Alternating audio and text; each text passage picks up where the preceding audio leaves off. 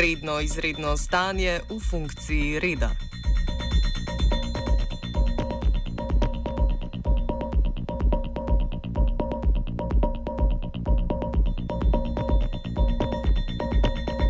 Že 18 mesecev trajajoče izredno stanje v Franciji, ki je bilo uvedeno po bombnih napadih v Parizu, je zaradi svoje dolžine bolj kot izjema pravilo. Bolj kot da je izredno, je redno. Leto in pol dolgo izredno stanje postaja oziroma je postalo redno v obeh pomenih besede.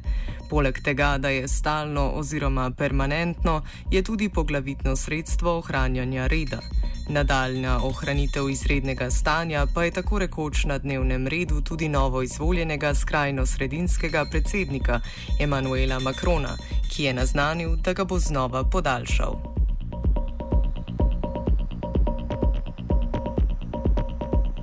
Da je imelo izredno stanje znaten učinek na onemogočanje protestov, ugotavlja tudi včeraj izdano poročilo nevladne organizacije Amnesty International, katerega ugotovitve bomo podrobneje predstavili.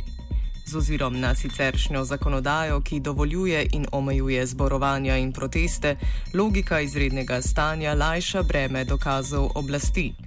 Če mora oblast v običajnih primerjih omogočati proteste in jih dojeti kot varne, razen v primeru temu nasprotujočih dokazov, izredno stanje to perspektivo postavi na glavo, saj so protesti vnaprej dojeti kot predvsem nevarni, razen če je dokazano nasprotno.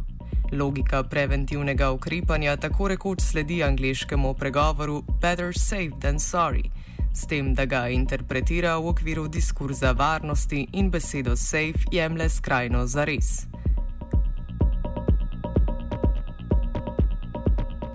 Kakšna je pravna podlaga uvedbe izrednega stanja in kakšne rabe opredeljuje, pojasni Marko Sperolini, avtor poročila. The right to freedom of peaceful assembly is basically uh, a right, of course, recognized by international human rights law. And these rights actually can be restricted, but uh, under very, very, very strict conditions. So, for example, states can restrict this right if they want to protect uh, public order or national security, but actually there's always has to be um, you know proportionality and necessity of these restrictions. So it means that um, a protest for example generally uh, can be prohibited but this prohibition is a last is a measure of, of, of last resort and also uh, the, the, authorities should basically show that uh, this prohibition is absolutely necessary and absolutely proportionate to for example protect public order. Now under the state of emergency obviously things change somehow because authorities have more powers to prohibit protests and also to prevent individuals from attending protests. So that's actually the very nature of the state of emergency which gives authorities more power to restrict uh, human rights, including the specific rights, uh, the right to uh, the, right, the rights to freedom of peaceful assembly. Uh, so what we saw in what we see in France is that, in fact, a state of emergency, which uh, was in fact introduced to counteract the terrorist threat, is a reality being used for other purposes. So when it comes to protests uh, for example, all the protests that have been banned under the, the, the, the, state of emergency and all the individuals who have been prevented from attending protests had nothing to do with terrorism. So these emergency measures, the state of emergency, is being used to uh, reach objectives uh, that have nothing to do with uh, uh the with preventing terrorist terrorist attacks. Poleg izrednega stanja pa zborovanja onemogoča tudi ostala francoska zakonodaja. So in French law, basically, there is uh, already the possibility, of course, to uh, prohibit a protest, and this is actually because of what I said previously. Because actually, according to international human rights law, states can, in fact, prohibit, uh, restrict the right to freedom of peaceful assembly. This is an option, but they have basically to comply with quite a lot of criteria. So it means that because it is a possibility in international law, there's also it's a possibility in French law. So in France, in, in, in ordinary uh, ordinary law uh, authorities and more precisely prefects, uh, which are administrative authorities, they can uh, already prohibit a protest uh, if they if they believe this protest can in fact be a threat to public order. Uh, so this is already actually uh, something that uh, exists apart from the state of emergency, but obviously the, the state of emergency gives authorities with much more powers to restrict these rights.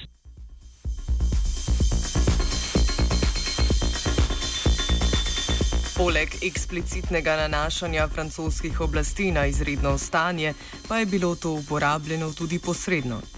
Kot argument prepovedi zborovanj je bil večkrat namreč uporabljen primankljaj policijskih sil za zagotovitev varnosti, ki bi jo potencijalna grožnja napadov v izrednem stanju zahtevala.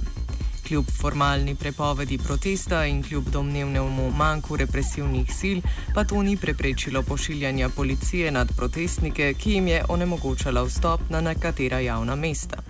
So often, actually, police uh, authorities basically argued that they did not have enough uh, police resources to ensure the public order uh, in the context of protests, and, and that's why actually the, these protests were banned. So they were arguing that they didn't, didn't have enough resources because actually they were their priority was to, within a state of emergency, to uh, basically counteract the, potential ter- terrorist threats.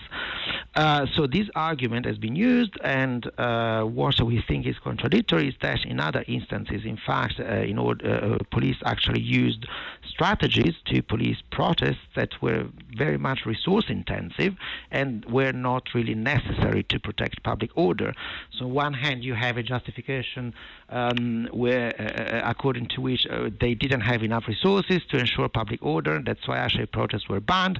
But then, on the other hand, you have examples where, for example, peaceful protesters were kettled in, you know, for several hours, as as we have few examples in this report. On the 5th of July, for example, in central Paris, or on the 5th of August in central Paris, there were actually hundreds of protesters who were blocked, kettled by by police for three, four hours. These are actually strategies that required a huge, uh, huge investment of police resources. So actually, our argument is that in order in those instances, authorities had enough police resources to uh, implement those strategies, which were not even necessary to protect public order. So we found that this is actually contradictory in respect of the justification that was provided when they when authorities uh, banned uh, a protest on grounds of on the fact that it did not have enough uh, enough police resources. So indeed, we found contradictions between these two arguments. Izredno stanje je v preteklem letu oteževalo ali onemogočalo številne proteste. Konkretno je bilo med drugim uporabljeno tudi zoper proteste, ki so spremljali Pariško podnebno konferenco, proteste proti sprejemanju zakona o delu in proteste zoper neozdržne razmere beguncev v Kaleju. So last year, basically in France, so first of all, actually, uh, straight after the, the proclamation of the state of emergency in November 2015, there was actually a few weeks after the COP21 started, so the UN uh, Conference of Parties uh, started in Paris with the aim, uh, it was actually a conference of climate change. So there were quite a lot of protests uh, being organized in the context of this of this conference, and we saw already that some emergency measures have been used to uh, prohibit the, the, the, protest within uh, this conference. So that was actually the first time um, when when emergency measures have been used to basically target climate uh, activists and climate related protests.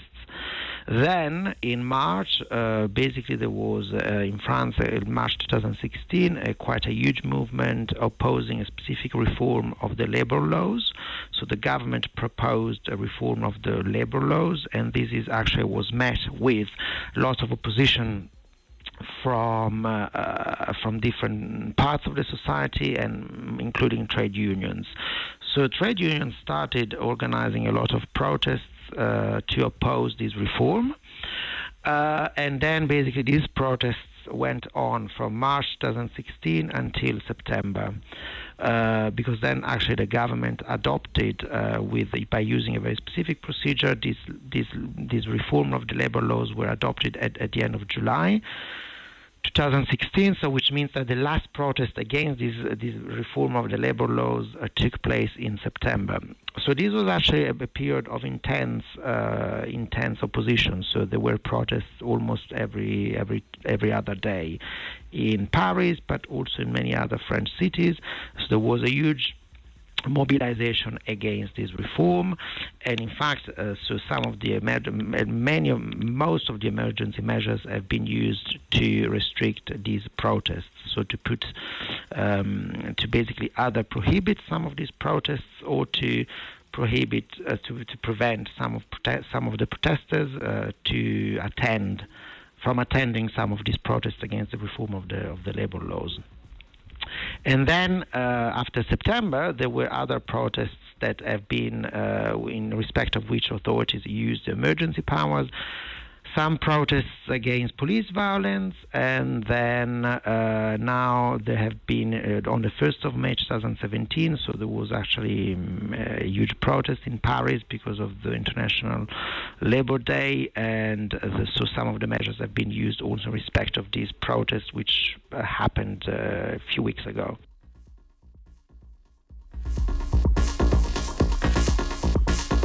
Prav tako pa je izredno stanje represivnim organom omogočalo večjo uporabo fizično nasilnih sredstev.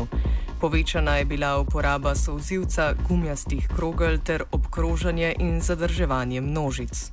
It's not actually a direct link because actually there is uh, well there is not a direct link between the state of emergency, so the emergency measures and the use of violence. by of excessive use of force by police.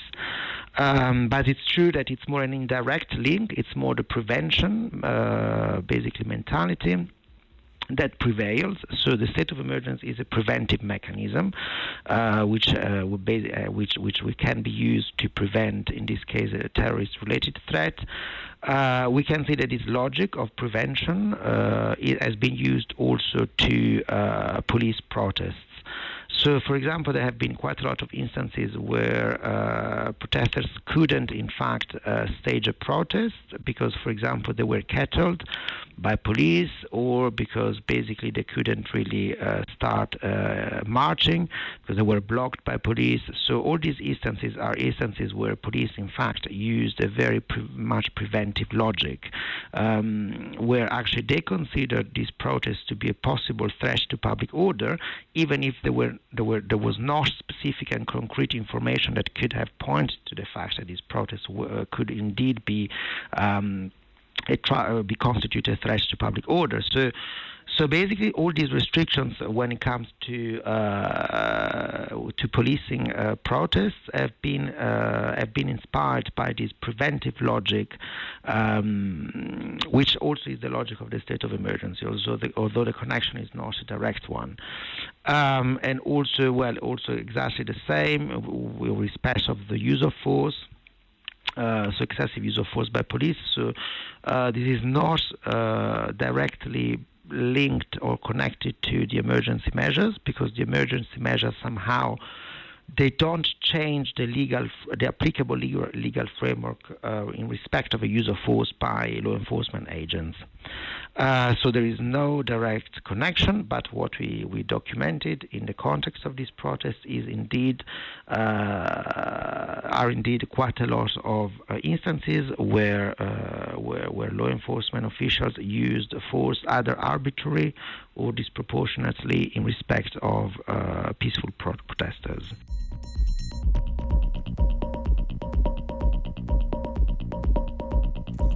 Kot je omenil Perolini, so bile pogosteje uporabljene tudi individualne prepovedi udeležb na javnih zborovanjih oziroma protestih. To je bilo storjeno z večjo pravno fleksibilnostjo in večinoma tako na tistih, ki so bili v preteklosti že aretirani, vendar ne obtoženi, kot tistih, ki so le sodelovali v protestniških gibanjih. Razloge, da mu je bila strani lokalnih oblasti preprečena udeležba na javnem mestu, pojasni aktivist Ugo Duvan, član Front Gauche, ki je v Renu protestiral proti zakonu o delu. Yeah, it didn't identify me as a leader of the movement. So they try, uh, like lots of comrades, we were uh, like assigned at home, and we didn't have the right to just get out of our apartment. Uh, and if we, if we, if you went, if we went out and we were catched by the police on demonstration or just to go uh, do the groceries, uh, we were we were like in jail for six months and have 15,000 euros of, uh, oh, I don't know to say that. Uh, we had to pay 15,000 euros. And uh, on what argument, what grounds did they? Oh, uh, the argument was that I was I've been so on uh, undeclared demonstration. I've been uh, part of the movement. I've been leader of the movement, and I was like, I really that is real. I was not polite to the police online.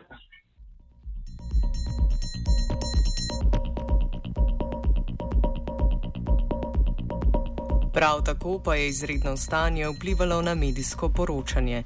O obsegu oteževanja medijskega poročanja današnji offside zaključi Perolini. The media coverage was quite. Uh, I mean, this is not actually part of, you know, the, the, this is not the main focus of our research, but what you can say is that media, the mainstream media, covered uh, mostly violence perpetrated by protesters. during these protests, and there was not a lot of attention to the excessive use of force by, by police. Uh, on the other hand, there are quite a lot of independent media, you know, independent media workers, photographers, journalists who tried to cover, I mean, some of these protests, and also they tried to document instances of excessive use of force by police. And the problem is that in some instances, also these journalists, these independent media workers, they actually were either targeted with violence or uh, police tried to obstruct their uh, their job, their work. So indeed, they have they experienced uh, some of these independent journalists. They they they they experienced barriers when they tried to document, to film uh, protests and also instances of excessive use of force. Um, and it is also actually one of the concerns that we raise in the report relating to the right to freedom of expression, um, which means that everyone, uh, including journalists, of, of course, but also independent journalists and also member of the society. They have everyone has the right to document actually uh, what happens in a protest because actually this is a public uh, public domain. Law enforcement actually pol- the policing of protests is something that's uh, happening in the public domain, and police also and law enforcement more generally they should be held accountable for um, how uh, well for the strategies they relied uh, rely on when they uh, when they police protests. So there is absolutely it's absolutely clear that uh, they that journalists and as well as everyone else have abs- the absolute right to, for example, film or take photos of law enforcement agents in the context of policing protests. And this is actually also a concern we have in the report because sometimes this, this was not the case in France last year. V prepovedanem položaju ob razglašenih izrednih razmerah se je znašel Tit.